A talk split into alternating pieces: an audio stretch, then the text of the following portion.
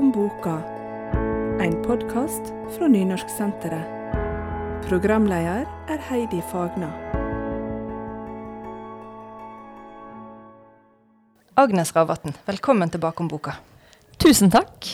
Du skriver i utgangspunktet bøker for voksne, men i dag tar vi utgangspunkt i de bøkene dine som er mest aktuelle for ungdom og unge voksne. Det er 'Operasjon sjøldisiplin', 'Stoisk uro' og 'Fugletribunalet'. Ja. Er du enig i det utvalget, forresten? ja jeg bare sitter og tenker litt på nå, om jeg er, om jeg er det. Um, ja. Nokså. Ja. Ja, jeg vet ikke hva andre bøker som eventuelt skulle passe bedre for, for ungdom. Så ja, jeg får være Jeg tenkte, tenkte litt på den som heter 'Stoisk uro', som er Ja, jo, jo. Tror ikke jeg ville ha lest den hvis jeg var sånn 15-16. Nei, men kanskje når du var sånn 17-18, at det da kunne interessere med litt filosofi? Ja. Jo, men det er sant. Det er sant. Ja. Eh, Men du, vi begynner med Operasjon sjøldisiplin. Eh, Den kom for noen år siden, og jeg har kalt den boka for Skjerp deg-boka. helt siden hun kom. Hvorfor ble ikke det tittelen? Eh, Det høres jo litt eh, hardt ut, da, for eh, Men passer jo veldig bra som, som gave. Altså, skjerp deg, vær så god, skjerp deg. Men eh, den heter Operasjon sjøldisiplin, som jo er veldig på en måte beslektet. Kanskje en fin måte å si skjerp deg på, da. Ja. Um, og å skjerpe seg, eller det å bedre sin sjøldisiplin, det handler jo altså, Eller Nei, vet du hva? Jeg er litt uenig likevel. For det å skjerpe seg er jo Det er jo lett å si, men det er jo veldig vanskelig å gjøre. Eh, hadde det bare vært sånn at en måtte skjerpe seg, så hadde det jo vært greit. Men det, hvis vi snakker om sjøldisiplin og det å gjøre det en skal, og stå imot fristelser og sånn, så er det jo så utrolig mange mekanismer som, som legger ut feller for oss, nettopp for at vi ikke skal klare å skjerpe oss. Ja, for det, det er det som er med denne boka her, at det er, det er 108 sider med forskningsbaserte eh, og eh, innimellom litt strenge pekefingre, som du da sukrer med, med humor og, og sjølironi. Eh, og vi får helt konkrete råd om hvordan vi kan slutte å kaste vekk tid på distraksjoner i hverdagen. Um, hvordan vi kan stå imot usmarte fristelser og andre sånne problemstillinger som det er helt vanlig å, å slite med. Ja. Um, bakerst i boka står det 30 helt konkrete råd. Kan du lese de som er nummer 15, 16 og 17? Ja, må vi se. Om jeg har de her Ja, det handler om å Om eh, starten av en arbeidsdag. Skal vi se. Og det er det mange råd som handler om, da. Men her skal vi se. Nummer 15. Nå har jeg sagt 'skal vi se' kanskje seks ganger i løpet av ti sekunder. 15. Skriv helt konkret hva du skal gjøre ved starten av arbeidet. 16. Ikke gjør oppgaver større enn hun egentlig er. Å blåse opp arbeid mentalt er en vanlig måte å prokrastinere på, der målet er å bli så overvelda at det er umulig å begynne. 17. Fullfør ei oppgave før du går over til neste. Absolutt aldri multitask. Her er den kjappe forklaringa på hvorfor det ikke virker. Menneskehjernen behandler én ting, eller informasjonsstreng, av gangen. Merksemda di likner ei skarp lyskjegle som er retta mot dette ene som du konsentrerer deg om. Å flytte denne lyskjegla krever mye energi. Fordi arbeidsminnet vårt er ganske dårlig, vil det forrige du dreiv med, eller den tanken du brøt av, raskt være glemt, og en må starte på ny for hver oppgave. Ja. Veldig eh, enkle og tydelige råd. Ja, det var vel litt av poenget eh, med, med, med boka. Jeg hadde jo i forkant lest en god del selvhjelpslitteratur, fordi jeg, jeg trengte å hjelpe meg sjøl. Jeg hadde sost vekk flere år av mitt liv på internett, virka det som. Og litt sånn arbeidslignende aktivitet, som like så godt kunne vært arbeid. For det var ikke noe altså, liksom det å eh, Ja, jeg skal ikke gå altfor langt inn i det, men eh, f.eks. falsk research. Jeg kunne bruke ei uke på å, å, lese om ting som ligner på det jeg, skulle, det jeg egentlig trengte å lese om, for å få skrevet den teksten jeg skulle skrive. Merkelig opplegg. Men um, når jeg las sånn Eh, litteratur, altså mest da selvhjelpsbøker eh, som skulle motvirke f.eks. Uh, altså prokrastinering, det å utsette oppgaver som du uansett er nødt til å gjøre en gang. Og uh, eh, tap av fokus og konsentrasjon og mangel på impulskontroller. Det finnes jo selvhjelpsbøker for alt dette. Så, eh, så var det, det som var felles for dem, var at de var så tjukke og de var så utsvevende og liksom emosjonelle, på en måte. Altså, veldig sånn ja, utflytende. Mens jeg trengte bare noe i full fart. For jeg trengte hjelp umiddelbart, liksom. Så det var poenget med den eh, boka der. var å skrive ei kortest mulig eh, selvhjelpsbok om selvdisiplin. Eh, altså for folk som faktisk har brukt så, så strekk så masse tid på tull at de ikke har tid til å lese en sånn lang, lang utflytende bok om hva som trengs å gjøres. Så for de som ikke engang har tid til å lese hele boka, selv om hun bare er på 108 sider, så, så har jeg skrevet 30 sånne hurtigtips, altså hele boka i kortversjon helt til slutt. Og det mm, Altså, den den er da mest mulig på en måte oppdatert uh, sånn forskningsmessig. Det som var den nyeste tilgjengelige forskninga da, i 2014, når jeg skrev henne. Um, og det har ikke skjedd så veldig, veldig mye med, som jeg har registrert siden den gang. Men tematikken opplever jeg bare blir stadig altså, mer og mer aktuell. Mm. Hvor, hvor, du hadde jo skrevet bøker før denne her. Eh, mm. Opplevde du eh, prosessen som litt annerledes, hvis du samtidig på en måte lytta til deg sjøl og, og fulgte dine egne råd i disse sjøldisiplinen? ja. ja, altså Jeg debuterte som forfatter i 2007. Og så kom andre boka mi ut, altså den andre neste roman, 2013. Så det gikk seks år. Uh, det tok meg seks år å skrive den vanskelige andre boka. Og i mellomtida så hadde det kommet ut to bøker som egentlig bare var oppsamling. Opps, oppsamla artikler fra eh, Dag og Tid, der jeg jobba som journalist.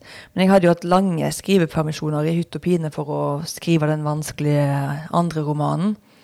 Men det tok eh, likevel se, seks år, og det er fordi jeg satt og eh, ja, jeg gikk meg vill på internett og i sosiale medier istedenfor å gå løs på det som jeg egentlig hele tida Altså det som var planen å gå løs på, nemlig å skrive, skrive min neste bok. Og um, litt av grunnen til at jeg uh, gikk meg så vill på internett, var nok sikkert um, Ja, til en viss grad, i alle fall, at jeg utsatte det å uh, eventuelt mislykkes med å skrive ei andre bok.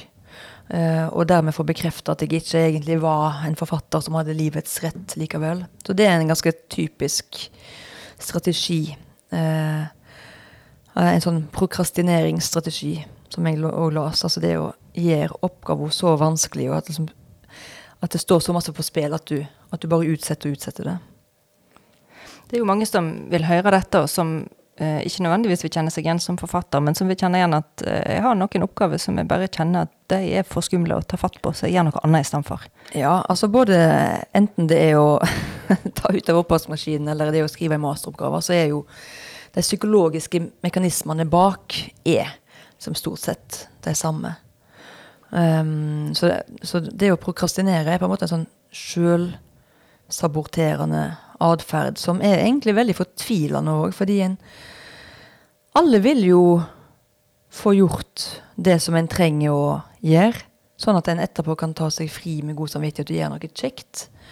Um, mens uh, for, som, for en som prokrastinerer, så, så er det sånn at en på en måte aldri egentlig jobber, og aldri egentlig har fri. Jeg, I flere år så satt jeg liksom på jobb fra ni om morgenen til ni om kvelden. Og likevel så gikk jeg hjem og tenkte herregud, jeg har jo ikke fått gjort noen ting i dag heller. Forferdelig Altså, slitsomt. Ja, helt vanvittig destruktivt. Og så er det òg en sånn sterk følelse av, å, av at sånn er jeg. eh, og dette er mitt liv framover. Uh, det kan ikke endres. Men det kunne det, da. Eh, men det er ikke sånn at jeg har måttet endre personlighet for å få gjort ting. En må endre på en måte strukturene rundt seg. og endre rutiner og vaner. Og, eh, og prøve å ja, hva skal jeg si, designe eh, omgivelsene sine på en måte som gjør at de eh, støtter opp under det du trenger å få gjort. Og fjerne de distraksjonene som hindrer deg i å få gjort det du skal gjøre. Så det, det handler egentlig veldig mye om det. Altså, jeg har lite sjøldisiplin, og har alltid hatt det. Fra, helt fra jeg var barn, så Altså, jeg brukte ei helg på å rydde rommet mitt, mens broren min brukte en halvtime. Um, og, um, og ikke fordi det var så rotete, men bare fordi jeg, det var så vanskelig å gå løs på den oppgaven at jeg ble sittende på gulvet liksom, og sortere glansbilder istedenfor bare få ting inn i hyllene. Det, så det der er jo noe som er, er en del av mitt personlighetstrekk. Um, så det som på en måte Det som virker for meg i dag, det er jo ikke ha distraksjoner. Eller jeg har, jeg har ikke mulighet til å falle for fristelsen til å gjøre noe annet enn det jeg skal gjøre. Um, jeg er heldig som er forfatter, og dermed styrer min egen arbeids... Eller og uheldig, siden jeg har lite selvdisiplin, men måten jeg har løst det på, da, er jo at jeg, uh, jeg skriver med penn og papir.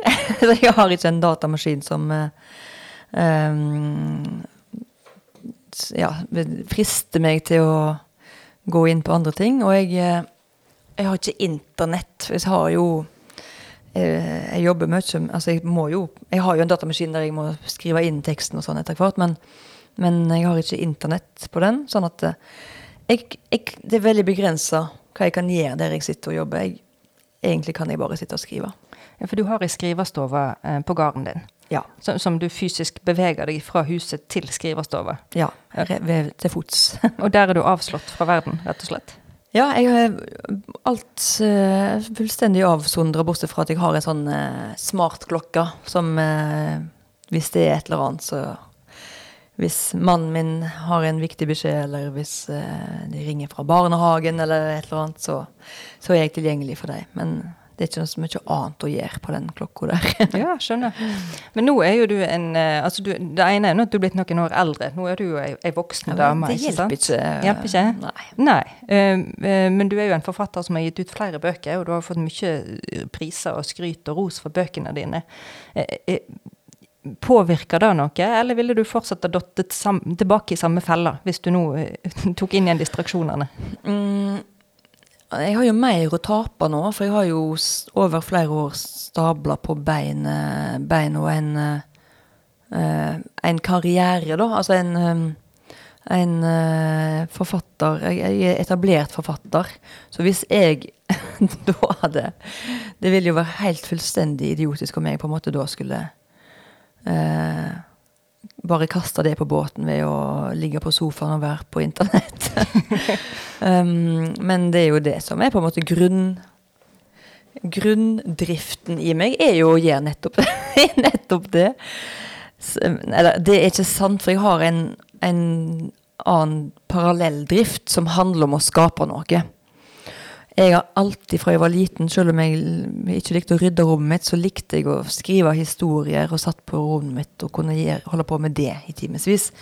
Så jeg har nok alltid hatt et sånt forfatter... ehm, eh, eller skapergen eh, i meg. Som jeg som, håper på eller satser på er sterkere enn det derre avslappingsgenet. Men, Men det er jo en, eh, en daglig kamp. Hver dag så kan jeg jo velge når de andre har gått på skolen og er barnehagen og på jobb, så, så kan jeg jo ligge på sofaen og se på serier, og ingen vil få vite om det. Men jeg gjør det ikke. Imponerende. Tusen takk. Du et, jo, men du er et forbilde, og det er viktig. Det, det er viktig. Jo. Jeg er jo Jo, men helt på trynet. du, Nei, jeg syns ikke du er på trynet. Du har et skarpt blikk, hvis vi skal bruke fjesmetaforet.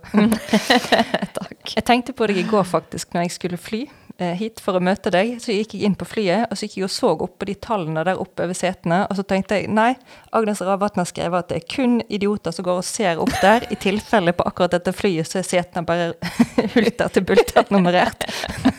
så da kan ikke jeg, så da måtte jeg se ned litt før jeg så opp igjen. Uff, ja, det er ikke meningen at folk skal gå rundt og eh, endre atferden pga. ting jeg har skrevet. Nei, men, men eh, det handler jo om å ta ting på kornet. det handler ikke om eh, sjøldisiplinen, akkurat det da, tror jeg. Nei. Eller det? Nei, nei, det handler bare om ting du har skrevet. Du har, Ja, ja, du har en skarp hjerne, og vi trenger å få gode bøker, så du må ikke ligge på sofaen og se det. Nei. takk. Etter jeg leste denne her Operasjon selvdisiplin, eh, så har jeg lært meg å tenke på viljestyrken som en muskel. Ja. Eh, Der jeg nå da vet at eh, jeg har bedre viljestyrke om morgenen, og så blir han litt slappere utover dagen. Så hvis jeg går på en smell sånn på kvelden med det jeg prøver å oppnå, så eh, handler det bare om at jeg var litt sliten i viljestyrken, og at han fungerer kanskje bedre i morgen. Og det er en god eh, trøst å ha med seg. ja, det er trøst. Uh, og, uh, Men så Altså, jeg, jeg tror den metaforen er god. Det er ikke jeg som har uh, kommet opp med den, men, men det som er veldig viktig å være klar over, er at en da Altså, jo mer en bruker viljestyrken i løpet av en dag, jo mer sliten blir han. Så hvis en da hvis, altså det, Og det er selve grunnen til at jeg ikke har internett. Det er hvis jeg går på jobb klokka åtte, setter meg ned og skal jobbe, og sitter og jobber, men hele tida vet at internett er hva det nå er som er så gøy der, da. Men eh, det er bare et lite skifte av, eh, av fana, så er jeg, da er jeg på internett, liksom. Hvis jeg hele tida motvirker den driften mot å ta pause fra arbeidet ved å gå på internett, hvis jeg er så flink at jeg klarer å motstå det, så blir muskelen eh, sliten av det, og da eh, dermed får du mindre eh, energi til å utføre det arbeidet du faktisk skal gjøre. Så det å motstå fristelser, det er, litt, det er egentlig litt av hovedpoenget eh, med boka. Fordi folk er veldig sånn Kanskje liksom sjølgratulerende at de er så veldig altså, jeg Det er flere som har sagt at eh, ja, jeg, eh, jeg eh, På kontoret så har jeg en skål med sjokolade så, ved siden av pulten min. Og jeg sitter en hel dag og, uten å ta eh, noen sjokolader, og bare sitter og jobber, for å trene opp muskelen, kan jeg si da. Som jeg tror vil være Altså hvis de har virkelig lyst på den sjokoladen, så bruker de masse energi unødvendig på å motstå den fristelsen. Eh, så det er derfor jeg ikke har eh, internett. Altså jeg har færrest mulig fristelser, sånn at det er minst mulig å bli distrahert av. Altså poenget er jo ikke at Altså he, her har på en måte ikke de flinke et sånn stort fortrinn, hvis en tenker på at den øh, altså, eh, Ifølge forskninga, da, det ble litt oppstykka svaring her, men ifølge forskninga så, så kan en egentlig ikke trene opp den muskelen i noen særlig grad. En kan bare lære seg strategier for å spare muskelen til de tilfellene der du virkelig trenger den. Så om morgenen så er, den, så er viljestyrken vår på, vårt, på sitt beste. Da er vi uthvilt. Og hvis en da passer på å få en sånn en god formiddag eh, uten distraksjoner og fristelser, så kan en jobbe utrolig konsentrert og få gjort ufattelig mye, og kan nesten gå hjem eller være fornøyd. Um, F.eks. hvis en jobber med en masteroppgave eller noe sånt. da. Mm. Jeg mener ikke at folk skal gå hjem hvis de faktisk jobber i politiet. skal, liksom, Da stenger alt etter, etter lunsj. ja. Bakom boka. En podkast fra Nynorsksenteret. Den andre boka jeg ville snakke med deg om, eh, er den som heter 'Stoisk uro'. Eh, Det er en samling essay med utgangspunkt i filosofi. Du ville teste ut om det er mulig å leve etter ulike filosofiske skoler i dagliglivet. Dette her er glimt av eh, filosofiopplæring med mye humor, og du byr på deg sjøl. I første kapittel er du en stoiker som gir deg sjøl TV- og internettforbud. Ja. Du, ja, du inviterer venner på fest med inspirasjon fra Platons symposion. eh, og du lar eh, Søren Kirkegård inspirere deg til å fri til kjæresten din. Da lurte jeg på om du kunne lese akkurat der fra eh, side 77 i Stoisk uro. Ja, skal vi se. Um, ja, dette er da fra en ferie Vi tilbrakte to uker i julo uh, i, eh, i California for nå sikkert ti år siden. Og jeg har tatt den med til Disneyland. Der det er da en, eh, en sånn kunstig eh, lagt altså Matterhorn. Det sveitsiske fjellet som er eh, Ja, det er jo nynorskens viktigste fjell, fordi det var det er en, er ei av sju sånn klassiske Donald- Donald-historier som ble gitt ut på nynorsk i Norge. Så den heter 'Kvitt gull' fra Matterhorn, og den husker jeg, det var min favoritthistorie. Eh, og i Disneyland så har de lagd en sånn bobsledebane på Matterhorn, da. Så det tenkte jeg var en, per, en perfekt eh, åsted for mitt frieri. Etter ei lang stund kan vi stige om bord i en søkkvåt bobslede og sette oss. Fremst sitter den utkåra. Bakerst sitter jeg. Mellom oss sitter en framand indisk gutt som ufrivillig er blitt plassert i sleden vår. Det er ikke nøyaktig slik jeg har sett det for meg, men hvorfor skal det få noe å si? Jeg har sett for meg så mye dumt. Vi starter på oppstiginga mot toppen av Matterhorn. Jeg sitter og knuger ringen inni håndflata, mens vi forsvinner inn i fjellet og blir trekte oppover på skjenene. Den indiske gutten slipper ut et klynk. På toppen av berg-og-dal-banen blir vi stående stille ett sekund eller to, vippende på kanten av stupet. Gift deg eller gift deg ikke, du vil angre begge deler, tenker jeg med Kirkegård. Jeg drar minimusringen fram og stikker han opp i ansiktet på han som sitter fremst. Vil du gifte deg med meg? I samme øyeblink raser vi utfor stupet. Den vesle gutten set i eit hyl. Filosofisk eh, inspirert frieri. Ja. Hvordan eh, falt det i god jord? Det anbefaler jeg. Ja, du anbefaler ja. Eh, hvordan det falt i jord, ja. For stupte jo virkelig rett utfor eh, eh, ja, et stup. um, så jeg Jeg mente da i etterkant at jeg på en måte hadde hørt at han ropte ja. Mens han mente at han bare hadde ropt wow. Eh, så når vi kom ned på eh, ut av sleden så eh, eh, så, eh, så oppsto det en sånn uenighet om det, da. om han hadde svart ja eller ei. Så ga jeg han en time. Times betenkningstid. og at utgangspunktet var ja. og hvis han ombestemte seg, så måtte han si det i løpet av den timen. Så da var neste post på programmet var, var et spøkelseshus. Så, og hele timen gikk inn i det huset uten eh, at det kom noe nei. Så vi, vi ble forlova og er nå gift. Nå har han vært gift såpass lenge at han har ikke angra heller. Mm, nei, han har ikke angra. Men eh, Men du, dette her er nå altså eh, noe som du skriver om som en del av filosofiopplæringa di her. ja. Trenger vi dette her eh, nære for, for å begripe filosofien? Um, treng og treng.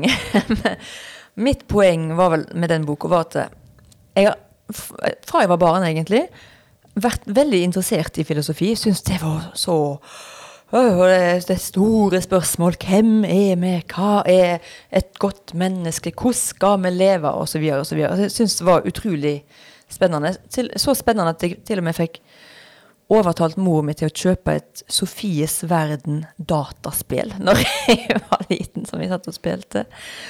Eh, og ehm, etter hvert som jeg ble eldre og på en måte vurderte å studere og sånn, og tenkte på om kanskje jeg skulle studere filosofi, så, og las, jo mer jeg las, på en måte, jo fjernere syns jeg at filosofien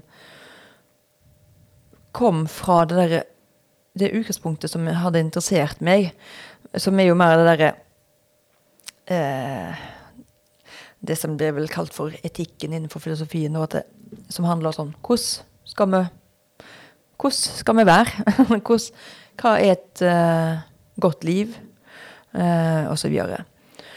Men uh, jeg syns at den, filosofi, jo, mer jo mer jeg leser filosofi, jo mer på en måte abstrakt og uinteressant og liksom livsfjernt ble det.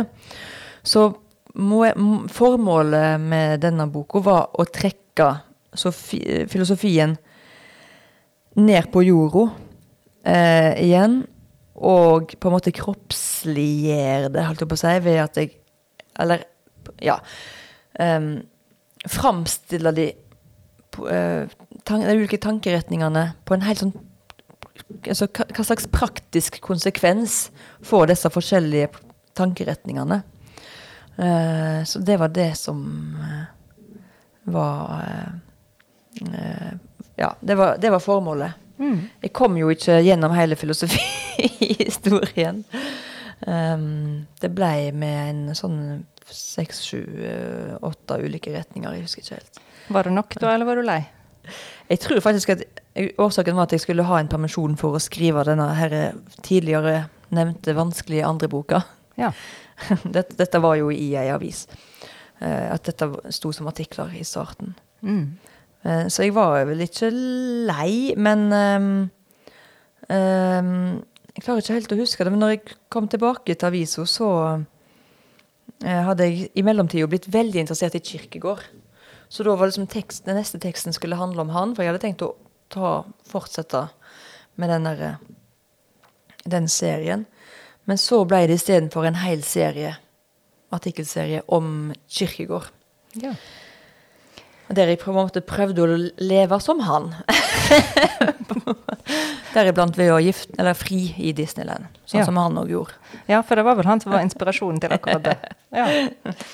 Eh, Hvor henne, Vi skal snakke litt mer om han i Kirkegård. Men, eh, men eh, du nevner et spill som du fikk eh, allerede som barn. Hvor, kan du huske hvor den der eh, interessen for filosofi starta? Sånn, Hvor er utgangspunktet? Nei, det kan jeg ikke, men jeg husker bare at eh, Altså at jeg fra jeg var liten, så likte jeg f.eks. å lese om Sokrates. Og likte I sånne barneleksikon så likte jeg å lese om antikken og, og eh, renessansen. Og så likte sånne historiske Eller idéhistoriske tilnærming eller, Altså, jeg, jeg likte veldig godt um, fortidas fortidas sine på en måte store tenkere og sånn. Eh, og ehm, Jeg klarer ikke å huske hvor gammel jeg var når Sofies verden kom, men jeg kan ha vært Jeg tør ikke helt å gjette. Hvis den kom inn til 93, kanskje. At jeg var ni. Jeg las ikke den da, men jeg tror jeg leste den når jeg var tolv, f.eks. Og det, eh, var bare sånn uendelig fascinerende. Disse ulike spørsmålene som er blitt stilt om mennesket fra tusenvis av år tilbake. Og som en fortsatt ikke har noe godt svar på.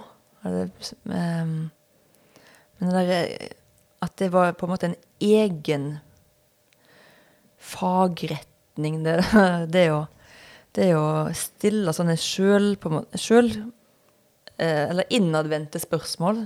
Det syns jeg var interessant.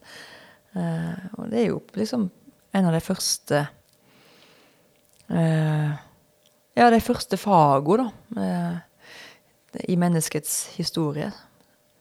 Var, filosofi var jo det du måtte ha hvis du skulle være i stand til å eh, tenke noe interessant om noe annet. Altså det, det var en sånn grunnforutsetning. Sånn er det jo ikke vi tenker på det i dag. Jeg tror det er mange som syns at X-Fill på en måte er sånn unødvendig og uforståelig. Og jeg støtter veldig godt å ta en sånn kjapp gjennomgang av grunnleggende menneskelig tankevirksomhet før en begynner å studere. For å ikke bare snuble rett inn i det. Nå skal det sies at når jeg begynte å studere i, på Universitetet i Bergen, så tok jeg X-Fill til slutt. Oh, ja.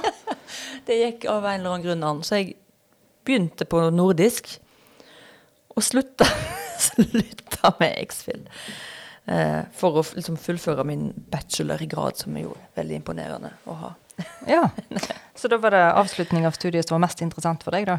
Ja, husker, nei, da var jeg jo så blasert at jeg var sånn Å, herregud, så enkelt. Og jeg fikk, husker òg at jeg fikk en veldig god karakter. Mm -hmm. Klart du fikk det. Yep. Når du hadde lest filosofi. Uten å ha forberedt meg noe særlig. Ja, nemlig. Skrytepave. Ja, men skryte, ja, Hva sier de gamle filosofene om skryting? Nei, det er de jo imot. Ja, Alle sammen. Alle sammen. Det er det eneste de er enige om.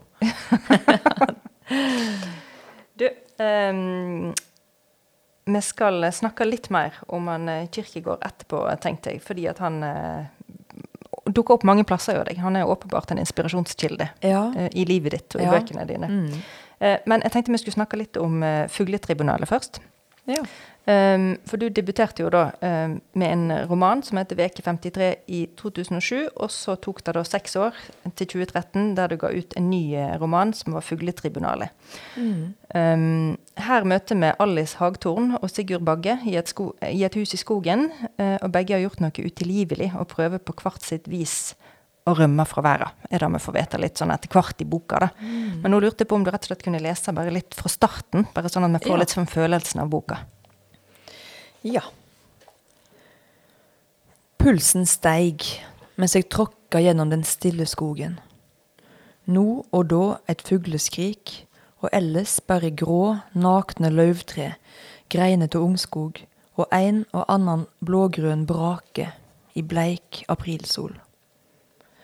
Der den smale skogsvegen runda en knaus, kom en uflidd allé av hvite, ranke bjørketre til syne. Hver bjørk hadde store greinfloker i toppen, som påbegynte reir. I enden av alleen var et hvitfalma stakittgjerde og en port. Bak porten huset. En liten, eldre trevilla med dråpeskifer på taket. Jeg lukka porten lydløst bak meg gikk over tunet og opp de få trinna til ytterdøra. Ingen åpna da jeg banka på. Et lite søkk gikk i meg. Jeg sette veskene fra meg på trappa, gikk ned og fulgte steinhellene som lå som en sti rundt huset. På framsida åpna landskapet seg. Fiolette fjell med spredde snøflekker hvilte på andre sida av fjorden. Krattskog omkransa eiendommen på begge sider. Han sto nede i hagen, ved noen slanke tre, en lang rygg i en mørkeblå ullgenser. Han kvapp da jeg ropte hallo, snudde seg, helsa med ei hand og gikk mot meg i tunge støvler over den gulgrå marka. Jeg drog pusten. Et ansikt og en kropp i 40-åra en stad. Han så ikke ut til å være det minste pleietrengende. Jeg maskerte overraskinga med et smil og tok noen steg imot han. Han var grovbygd og mørk, så meg ikke rett inn i øynene, men forbi da han strekte ut neven. Sigurd Bagge. Alice Hagtorn, sa jeg, og trykte den store handa hans lett. Ingenting i blikket hans vitna om at han drog kjensel på meg. Kanskje var han bare god til å spille. Sånn starta første møte mellom de to, så hele romanen eh, spiller rundt. Ja. Og- andre mennesker er knapt med, nesten bare som sånn gjenfortellinger for ting som de egentlig skjemmes litt over og, Mm. og, og, um, og ja, ikke ønsker å tenke på. det. Hvor, hvor rett fram var det for deg hva som skulle skje i denne boka her? Nei, det visste jeg jo ikke før jeg hadde skrevet ferdig. Eh, og det er sånn jeg jobber. Jeg, jeg vil Jeg kan ikke Altså, jeg, jeg vil vite Jeg må vite minst mulig om hvordan det, måte, hvordan det skal gå. Um, jeg må vite nok om personene jeg skriver om, til at jeg kan skrive om hvordan de reagerer i ulike situasjoner. Men jeg, jeg vil ikke vite hva som skjer rundt neste sving, for da mister jeg hele eh, nysgjerrig, altså, nysgjerrigheten, som er drivkrafta mi. Um, så så eh, jeg, når jeg begynte på boka, så skrev jeg egentlig dette. At ei dame kommer til en mann eh, som bor i et hus for seg sjøl, og vi vet ikke hva hun har i bagasjen, og ikke hva han har i bagasjen. Og ikke i starten så vet en ikke helt hva hun skal der og gjøre heller, men hun har tatt en eller annen jobb hos han. Og det var det som var mitt utgangspunkt, den situasjonen. Jeg, ehm, så begynte jeg å skrive, og så stoppa det opp. eh, og lå etter noen sånn 20-30 sider. Og da lå det i en skrivebordsskuff i mange år. Altså fire-fem år. Det begynte i 2007, husker jeg. Eh, og, og så um, skjønte jeg etter en stund, da For det var, liksom- de 20-30 sidene var nok, noe som jeg stadig vekk drog fram og las. Og alltid med like stor interesse og nysgjerrighet. Og lurte på på en måte grunnen til at det hadde stoppa opp. Og det var nok fordi jeg visste for lite om personene sine sin fortid. At jeg visste ikke nok om personene til at jeg kunne fortsette på historien. Eh, Så når jeg da begynte å jobbe meg liksom litt bakover, eh, sånn at jeg visste litt mer om hva, hvorfor Alice har eh, ja, flykta fra byen, og litt mer om eh, eh, hvorfor Bagge søker en slags gartner, eh, skråstrek hushjelp, så kunne historien fortsette. Men jeg visste, jeg visste ikke hvordan det skulle gå før jeg hadde satt punktum for siste gang. Ja. Um, så kom eh, boka til slutt, etter Mm. flere år. Um, og hun ble jo veldig godt mottatt. Ja. Det var en suksess. Det må en si. Den, eh, den solgte veldig godt, og den, den ga meg jo veldig mange nye lesere. Og, og den ble gjort om til teaterstykke. Og, Og du fikk Ungdommens kritikerpris. ja, og P2-lytternes romanpris og Bokbloggerprisen. Ja. Og den ble òg oversatt til Den er oversatt til 17 språk nå. Eh, Og stadig flere eh, fortsatt. Snart ti år etter. Så det, det har vært helt eh, vilt. Hva tror du det er med denne boka som fenger? Jeg tror det er det eh, at eh, leseren, som jeg, ikke vet hva som skal skje. Det er en mystisk situasjon i en relativt sånn realist, i realistiske omgivelser. Um, alt er jo på en måte hverdagslige skildringer av hagestell og matlaging og denne her forsiktige tilnærminga de to imellom. Og så vet vi hele tida at det er et eller annet som er veldig gale her. Men vi vet ikke helt hva det er. Eh, så ehm, Ja, det er nok en sånn grunnleggende uro som jo eh, er veldig en veldig kjekk følelse for leseren. Ja visst. Og for meg òg, som, eh, som heller ikke visste, som sagt, hva, helt hva, som, hva dette var. Um, men mot, mottakinga av den var ganske interessant. Fordi at de som kjente til det fra før, de ble litt overraska. De skjønte ikke helt Ja. boka. ja. Fram til da så hadde jeg skrevet humoristiske Altså det hadde vært det fremste kjennetegnet, tror jeg. At de var sånn klassiske vestlandske, nynorsk, ironiske bøker. Uh, mens denne romanen er jo mye mer uh, ja, dramatisk. Og nesten av og til litt melodramatisk. Og den har sånne klare thriller-element. Eh, I mange land har, så har han blitt lansert som en psykologisk thriller med veldig sånn dramatisk, blodig omslag og sånn, som har vært veldig misvisende på, det, på sin måte. Men, men eh, den, var, den var ganske fjernt fra det jeg hadde på en måte slått meg opp på. Mm.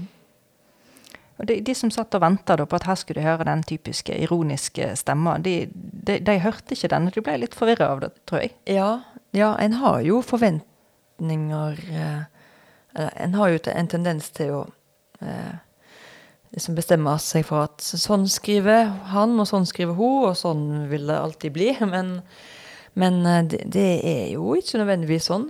Forfattere, som alle andre folk, jo, jo masse, kan jo romme masse forskjellig. Mange ulike stemninger og mange ulike stiltoner. Og, og um, det er ikke alle som nødvendigvis opplever at de har en sånn Altså, jeg tror nok jeg har en, den samme på en måte grunntonen i mye av det jeg skriver, som er en sånn uh, Hvis jeg skal i hvert fall tro noe om det sjøl, så er det en sånn uh, eksistensiell em, eh,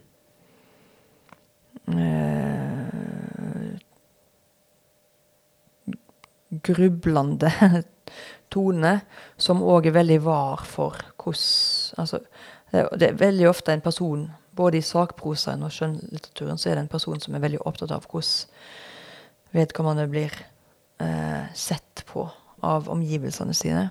Så det er sånn, kanskje en grunnstemning, eller en, et, eh, et grunnmotiv som, som eh, går igjen i alle bøkene mine.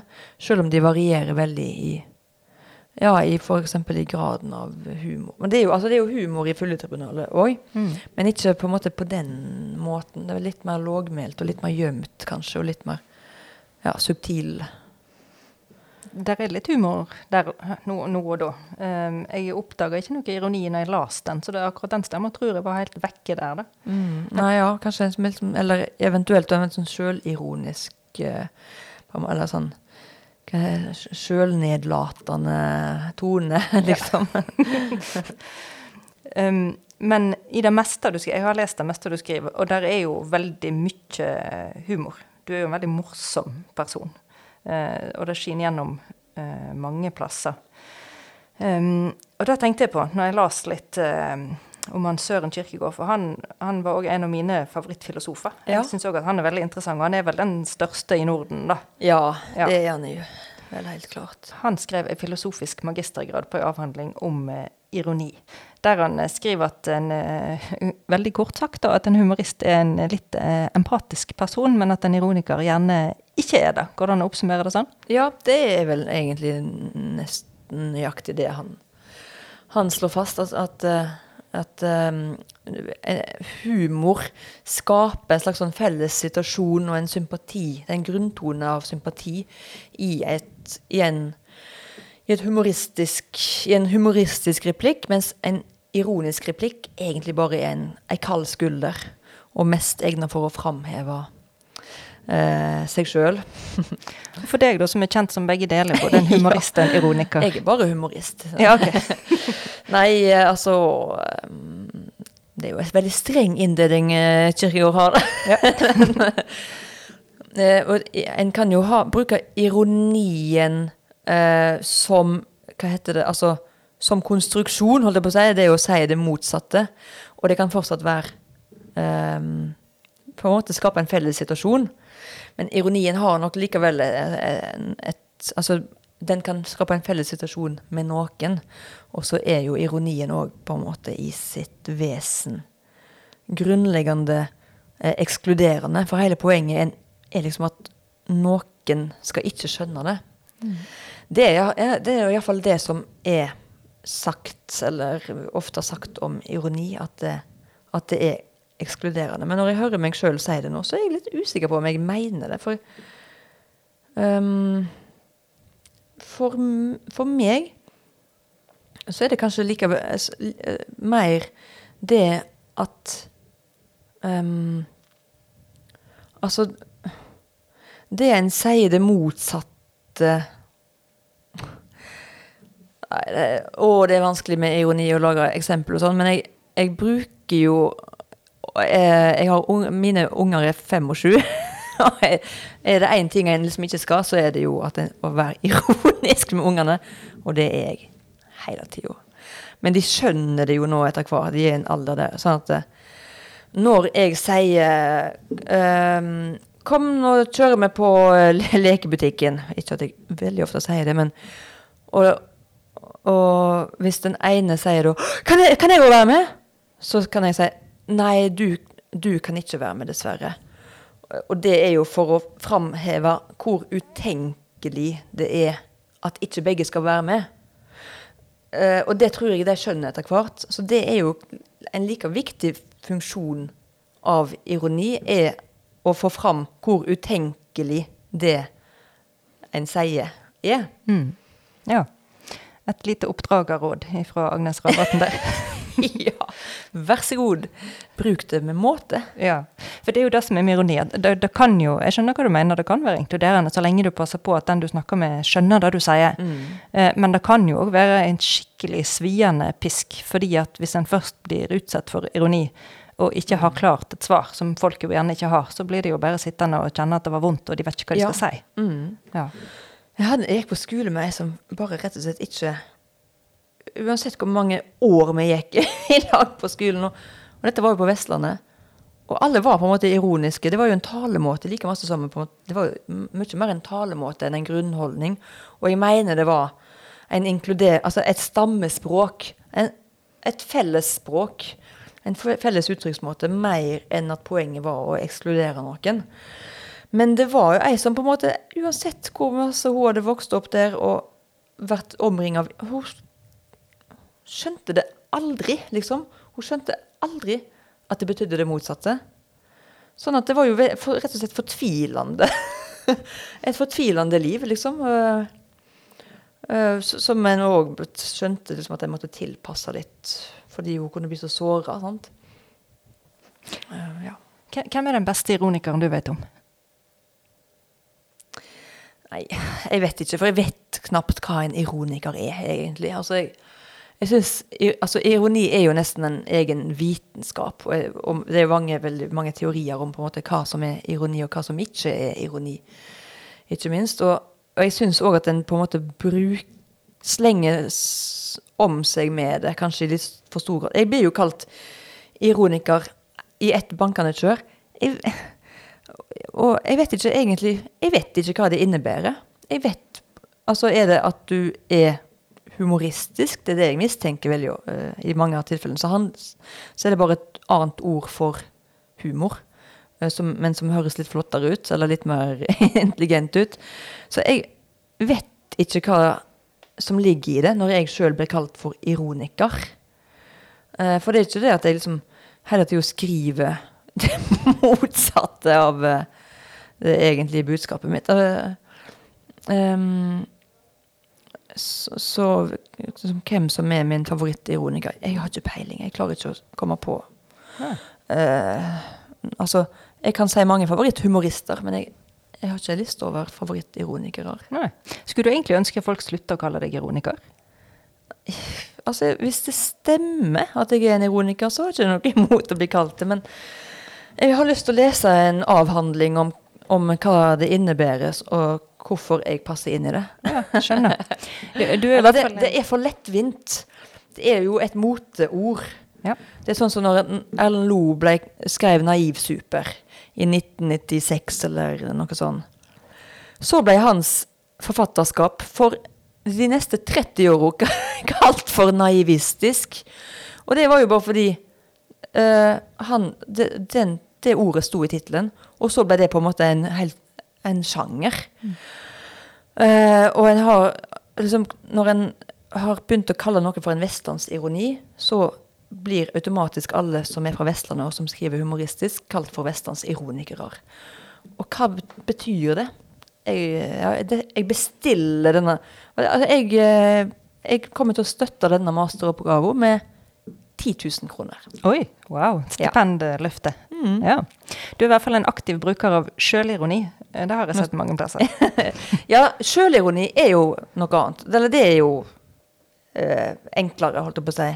Det er å framheve sine Eller altså, sjølironi, det er jo òg utrolig kronglete Altså Det en da løfter fram, eller det, det er jo evnen til å le av seg sjøl. Og være klar over sine dårlige sider. Men hvorfor er det ironi?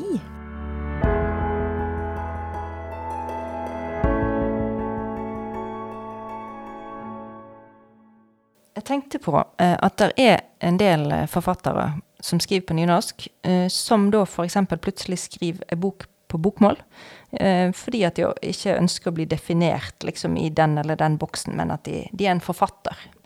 Men, men du har aldri gitt ut noe på, på bokmål. Hvorfor ikke?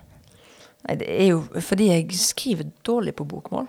Og det er ikke fordi jeg skriver eh, ikke skriver rett. Jeg skriver sikkert rett mer Jeg skriver nok rettere på bokmål enn på nynorsk, vil jeg tro. Men um, jeg eh, Altså, de, det er jo ikke ofte jeg skriver bokmål.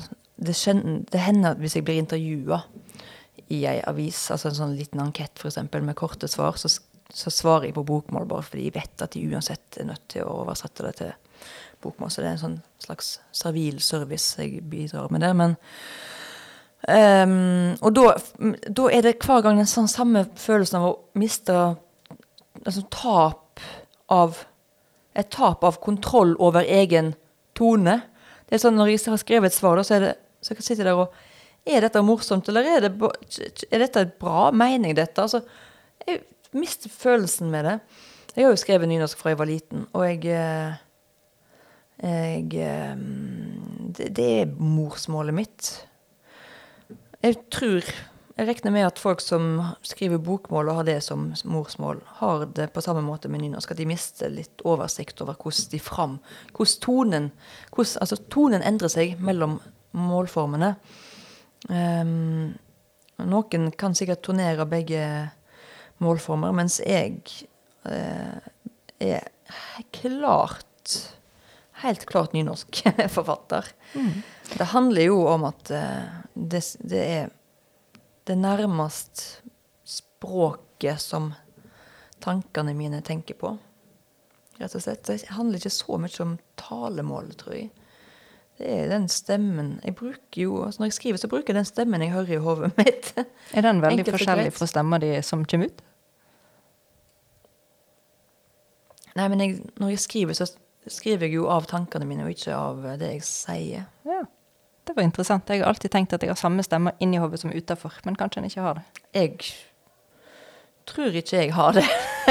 men, ja, men jeg mener at eh, talemålet er jo et, på en måte en slags sånn eh, Det er jo en omvei når jeg skriver. Og særlig når jeg skriver med penn og papir, og, og, og, og i mindre grad på tastatur, syns jeg sjøl. Når jeg skriver med penn og papir, så føles det mye mer som avskrift av tankene.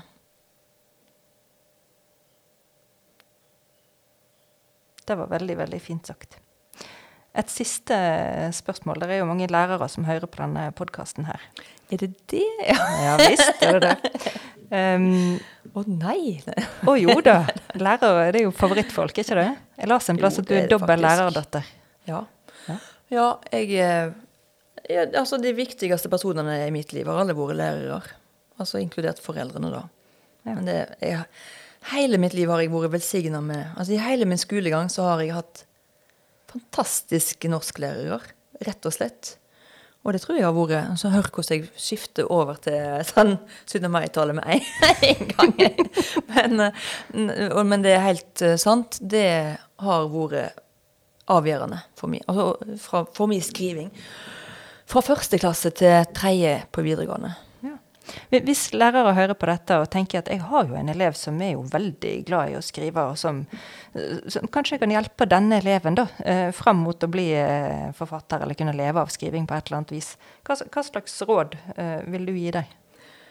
Eh, det som var viktig for meg Voldsom oppmuntring. Rett og slett. Fra, fra stil til stil, holdt jeg på å si. Jeg hadde jo Jeg var jo på en måte ikke åpen om noen forfatterambisjoner. Eh, sånn Eller ja, altså jeg, hadde, jeg elska å skrive og hadde lyst til å bli forfatter, men det var ikke noe jeg sa. Men jeg fikk jo veldig god respons på tekstene mine herfra. Og jeg elska å skrive stil. Altså, det var Det var jo julaften for meg å få lov å skrive stil, fortellinger. Mens eh, når jeg gikk i tredje klasse på videregående, så hadde jeg en norsklærer som heter Selma Lønn... Nei, eh, hops, Kari Lønning Aarø. Mor til Selma Lønning Aarø, som var forfatter. Eller som er forfatter, og som jeg, men som jeg da visste var forfatter, og syntes jo det var helt ekstremt. Og Kari var da altså mor hennes. Og eh, eh, når jeg var ferdig i videregående, så jeg, gikk jeg på besøk til Kari. Eh, og så snakket vi litt om hva jeg skulle gjøre etter videregående, hva jeg ville bli, liksom. Og jeg sa det. Jeg tror jeg har lyst, kanskje lyst til å bli bokomslagdesigner. For jeg hadde veldig lyst til å jobbe med litteratur, men jeg trodde ikke det gikk an å skrive sjøl, liksom. Så så hun på meg, og så rista på hodet, oppgitt, og så sa hun ah, Nei, du skal jo bli forfatter. Og når hun sa det, eh, som var mor til en forfatter, som på en måte visste hva som skulle til, så var det en vanvittig eh, Vanvittig anerkjennelse. Og så var det hun som fortalte meg at det fantes noe som heter Skrivekunstakademiet i Bergen. Eh, som det tok meg to år å tørre å søke på, da, men likevel, til slutt så gjorde jeg det. Og det å komme inn der. Og det er jo et år der du får du får skrive skjønnlitteratur et helt år. Og forfattere er lærerne. Og du går i, en klasse med tolv elever. Og dere skriver og skriver og skriver og leser hverandre sine tekster og diskuterer tekstene. Og i løpet av det året så er det jo mange av elevene som finner ut at nei, jeg trenger ikke å bli forfatter. og så er det en, en annen del som finner ut at ja, det er dette jeg vil. Og for meg så var det et veldig avgjørende år. Etter det året så visste jeg helt sikkert at jeg vil skrive og leve av det, aller helst. Og, eh, og debuterte to år etterpå. Takk til gode lærere. Ja, takk, Kari. Og takk til Agnes Ravatn for at du var med i Bakom boka. Takk for meg. Du har hørt Bakom boka, en podkast fra Nynorsksenteret. Programleder er Heidi Fagna.